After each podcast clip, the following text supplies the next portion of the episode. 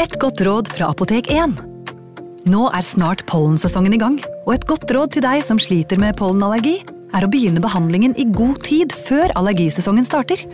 Da får du nemlig enda bedre effekt av legemidlene, og så blir ikke våren din helt ødelagt. Kom innom og få råd på ditt nærmeste Apotek 1, eller chat med oss på apotek1.no. Apotek 1 vår kunnskap, din trygghet.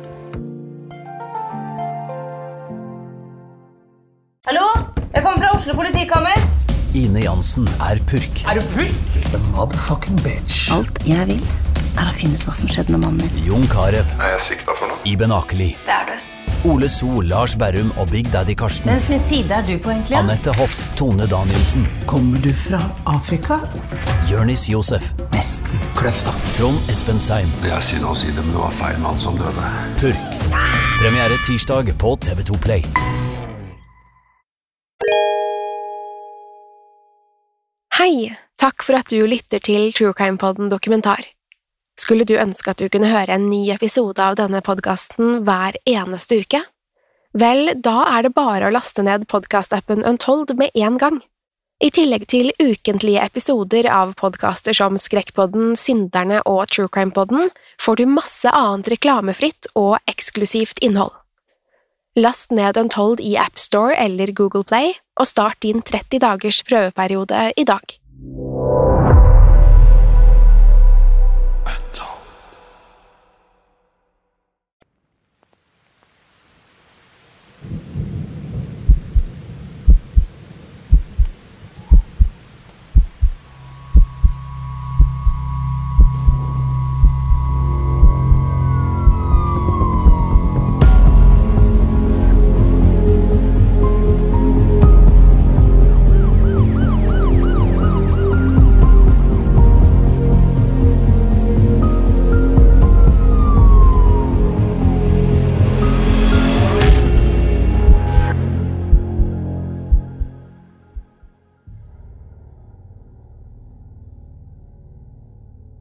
Et kollektivt brus gikk gjennom publikum i det digre konsertlokalet i München idet Kurt Cobain spilte den velkjente åpningslinjen til Smells Like Teen Spirit på gitaren.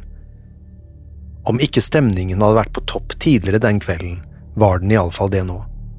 Dette var låten de hadde ventet på, og nå brøt kaos ut i mengden. Kurt og de andre medlemmene i Nirvana visste nøyaktig hvordan publikum ville reagere for det samme hadde skjedd på hver eneste konsert på europaturneen. Hver gang Kurt dro i gang med de fire akkordene som allerede var blitt ikoniske, gikk fansen amok. Smells Like Teen Spirit var selve symbolet på 90-tallets ungdomsopprør, og publikum visste å sette pris på det. Da Dave Grohl, Nirvanas trommeslager, sparket i gang låten med det kraftige trommebrekket, hoppet samtlige publikum opp og danset med til rytmen. De kastet på langt hår og slo hull i luften med knyttnevene, mens introriffet gikk.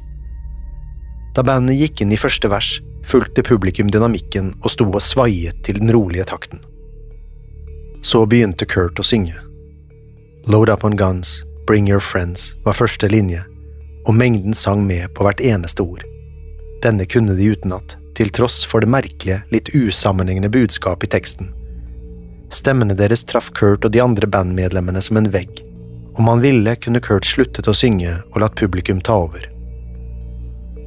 Kurts hese stemme ljomet over mengden og hadde en umiddelbar effekt på alle som var til stede. Ingen klarte å stå stille når Nirvana først var kommet i gang på scenen.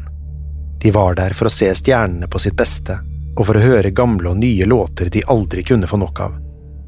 Nirvana var på toppen av verden, og ingenting kunne stanse dem nå. Plutselig kjente Kurt et voldsomt stikk i brystet. Det var ikke så ille at han måtte slutte å spille, men likevel merkbart. Samtidig kjente han at han ble varm over hele kroppen, og at pusten var i ferd med å svikte. Noe var galt, men han kunne ikke gi seg nå.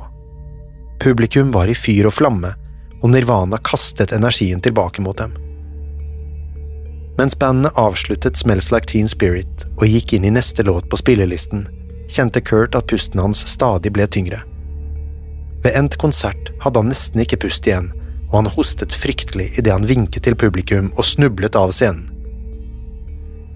Kurt visste det ikke da, Men den ikoniske konserten i München skulle bli den aller siste han noen gang spilte. Innen en drøy måned var gått, skulle Nirvana stå uten en frontmann, og Kurt selv ville være død.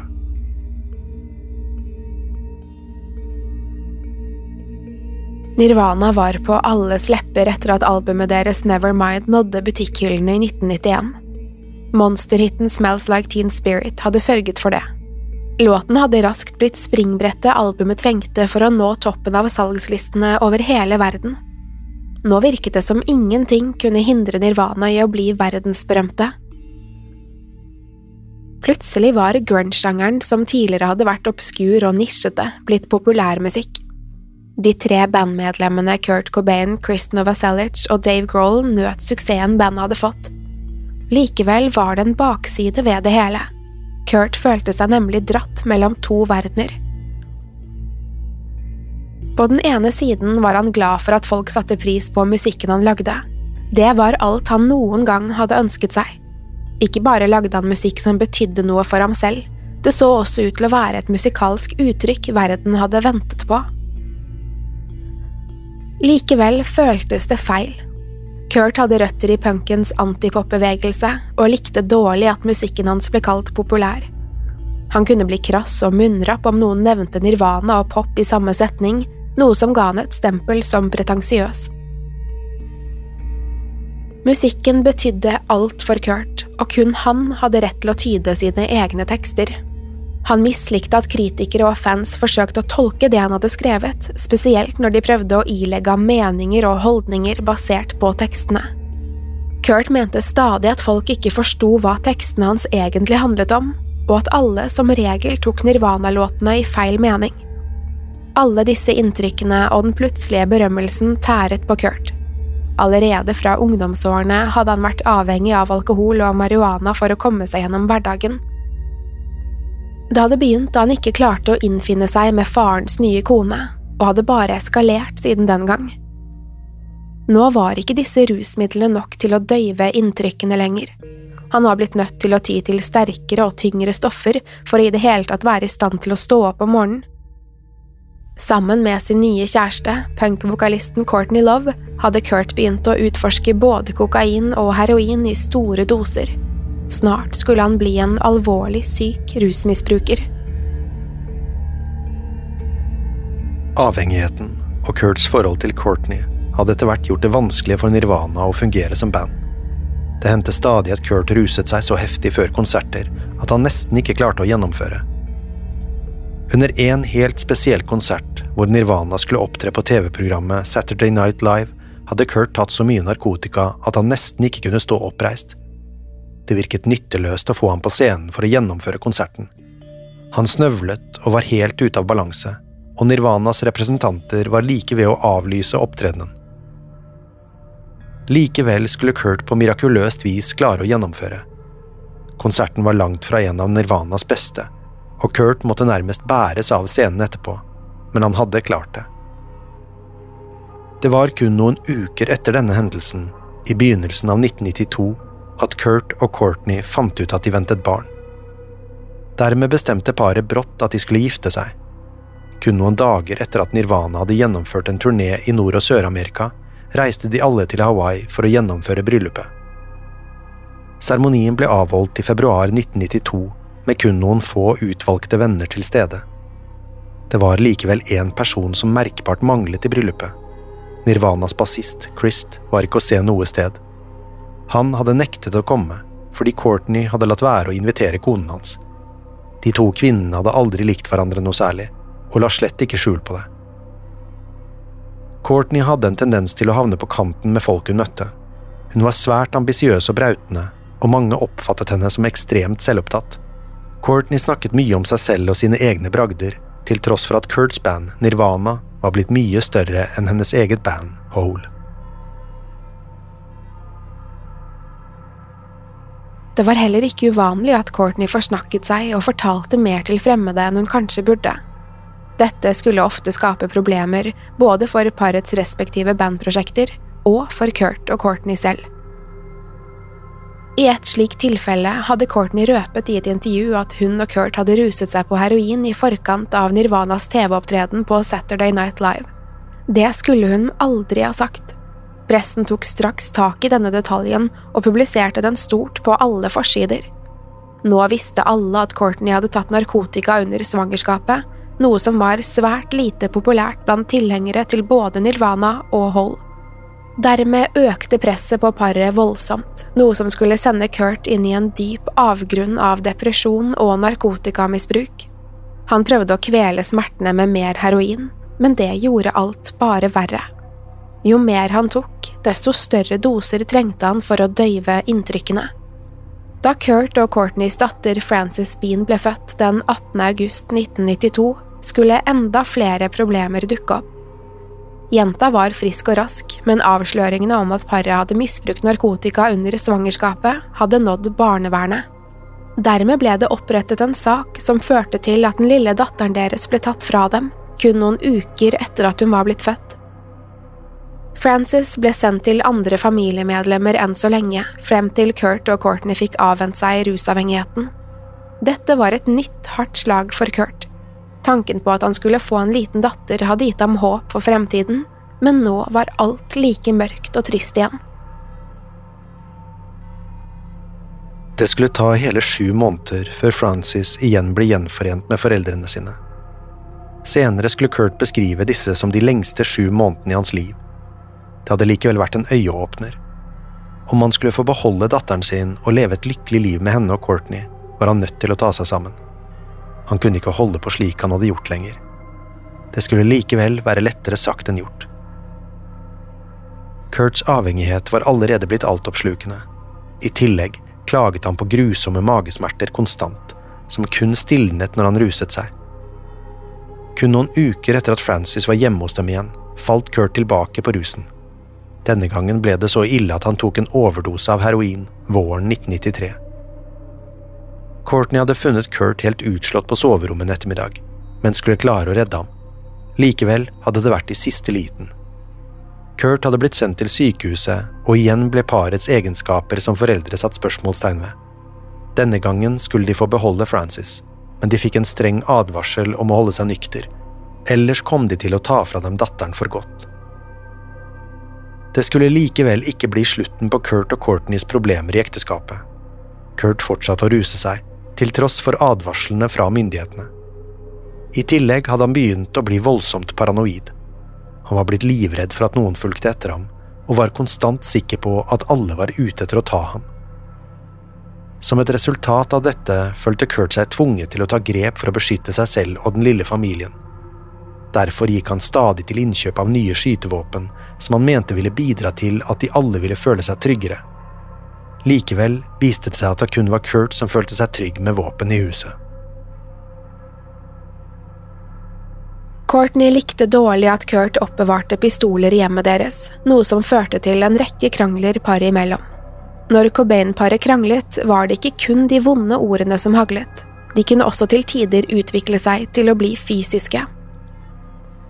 Det hendte at politiet var nødt til å dukke opp på parets dør etter at Courtney hadde ringt og fortalt at Kurt var voldelig. På telefonen påsto hun at Kurt dyttet og slo henne fordi hun ikke ville la ham ha skytevåpen i huset. En gang hadde politiet gått til arrestasjon av Kurt etter en spesielt voldsom hendelse.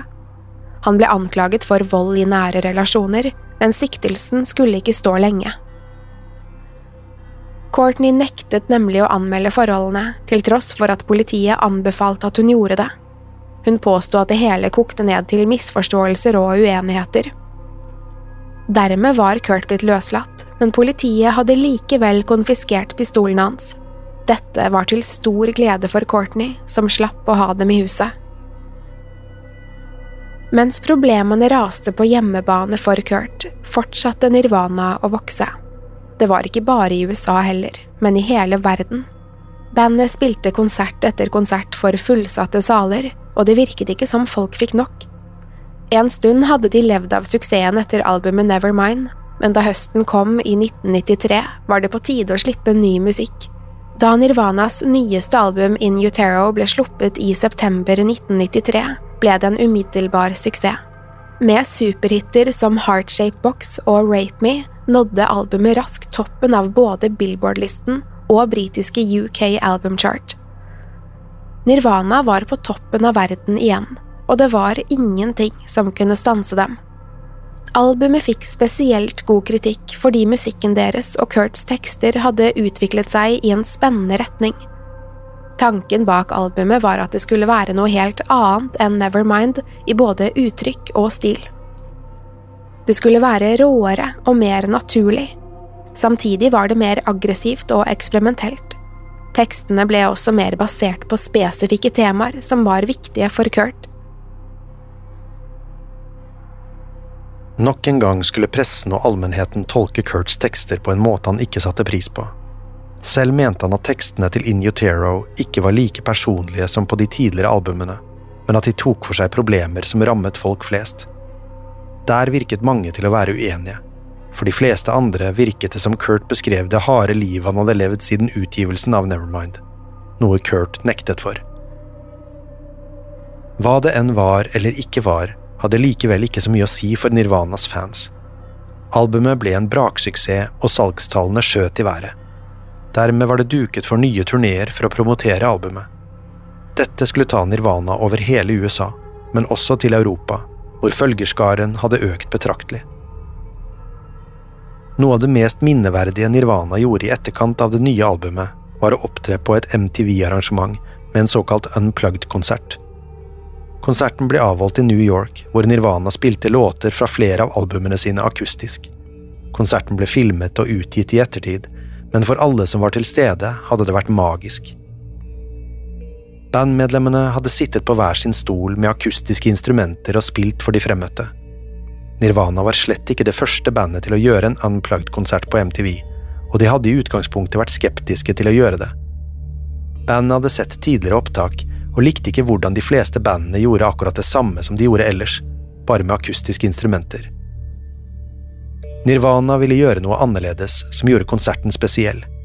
Dermed skulle bandets MTV-opptreden bli en av de mest populære gjennom tidene. De ønsket seg en uformell og nedtonet stemning, som om de satt og spilte i sine egne stuer. Publikum skulle inkluderes på en helt annen måte, og føle at de var en del av gjengen. Kurt ba til og med om at scenen skulle belyses av svarte stearinlys og en stor lysekrone. I tillegg ble scenen dekorert med blomster som i en begravelse. Samtidig krevde Nirvana at konserten skulle være så rå og uredigert som mulig. Mange andre band og artister gjorde flere opptak på sine MTV Unplugged-opptredener men Nirvana insisterte på å spille alle de 14 låtene deres i kun ett opptak. Dermed ville de som så konserten på TV i ettertid, få en følelse av at de var der selv. Suksessen til In Utero-albumet så ut til å gi Kurt fornyet energi og livsglede. Han tok ansvar for seg selv og fikk legehjelp for magesmertene sine, samtidig som han kuttet ned på narkotikainntaket. Det så faktisk ut som Kurt endelig var i ferd med å få livet sitt på stell. Det var dessverre ikke alle som så det på samme måte.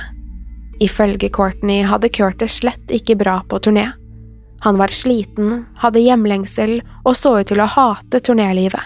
Flere ganger hadde han ringt hjem til henne, nesten på gråten, og sagt at han ikke orket mer. Det var tydelig at noe plaget Kurt voldsomt, men det så ut til at det var kun Courtney som la merke til det. Likevel var turneen nødt til å gå sin gang. Tusenvis av mennesker fra hele Europa hadde kjøpt billetter til konsertene og gledet seg til å endelig få se Nirvana spille. Hvor enn mye Kurt hatet turnélivet, ville han ikke skuffe den europeiske fansen. Derfor bet han tennene sammen og leverte så gode fremføringer han kunne. Turen gikk til Frankrike, Portugal, Spania, Sveits, Italia, Slovenia og Tyskland, og skulle egentlig gjennom en rekke andre land, deriblant Sverige og Danmark. Likevel viste det seg at Nirvana ikke skulle klare å gjennomføre hele turneen, og det var på grunn av Kurt. Etter en konsert i München 1. mars 1994 hadde Kurt nemlig fått et alvorlig tilfelle av bronkitt. Turneen var langt ifra over, men Kurt var blitt for syk til å opptre. Nyheten om at Kurt var blitt dårlig, hadde nådd Courtney hjemme i Seattle, som straks satte seg på et fly med Frances. Imens ble Kurt sendt til Roma for behandling, og det var der han møtte Courtney og datteren.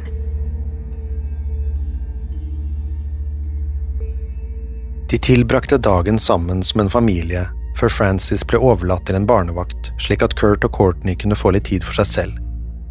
Det som skjedde den kvelden, er i ettertid blitt et tema for en rekke diskusjoner. Kurt sendte nemlig en ukjent person ut til et apotek i byen for å ta ut en resept på Rohypnol i Courtneys navn. Rohypnol er sterke innsovningsmedisiner som mange kjenner under et ganske annet navn, nemlig voldtektsdop. I tillegg bestilte han dyr champagne til parets rom. Hva som egentlig skjedde på hotellrommet den natten er uvisst. Det eneste som er sikkert, er at Courtney våknet morgenen etter og kunne ikke få liv i Kurt.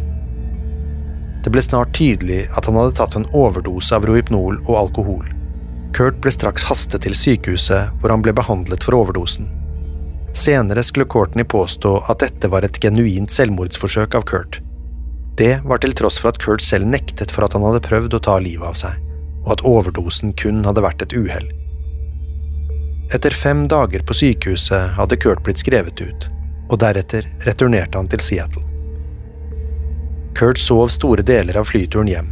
Han var utslitt og følte seg ferdig med alt. Europaturneen hadde tappet ham for all energi, og bronkitten hadde gjort alt mye verre. Nå følte han at han måtte hjem for å komme seg. Litt tid med Courtney og Francis nå ville kanskje gi ham styrken han trengte for å gjennomføre resten av turneen. Om noe kunne få ham til å føle seg bedre, så var det litt alenetid med familien, borte fra rampelyset og den ville fansen. Idet Kurt gikk av flyet, tredde han på seg solbrillene og trakk det lange, blonde håret foran ansiktet. Forhåpentligvis kunne han gå ubemerket til den ventende bilen og komme seg hjem uten å treffe på journalister. De ville uten tvil plage ham grenseløst med spørsmål om hvorfor turneen var blitt utsatt. Det hadde han ikke overskudd til nå. Om hendelsen i Roma virkelig var et selvmordsforsøk eller ikke, var det ingen som egentlig visste. Det skulle likevel bli et forvarsel på det som skulle komme. Det skulle også bli begynnelsen på slutten for den verdensberømte rockestjernen. Selv om turnédatoene i Europa offisielt kun var blitt utsatt etter at Kurt ble syk med bronkitt, skulle de aldri gjennomføres. Innen en drøy måned var gått, skulle noe hende som sørget for at Nirvana aldri igjen skulle opptre med sin karismatiske frontmann. Innen den tid ville nemlig grunge-legenden Kurt Cobain være død, skutt for egen hånd i sitt hjem i Seattle.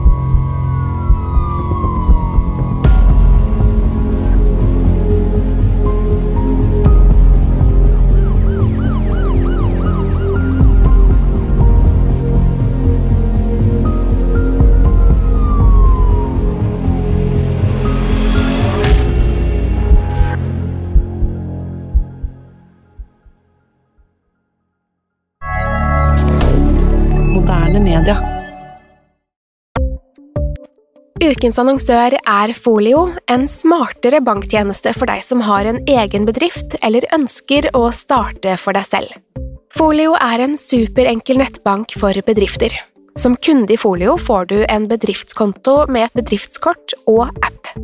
I denne appen er det smarte løsninger som forenkler regnskapet ditt, uansett om du har en liten bedrift eller et enkeltpersonsforetak.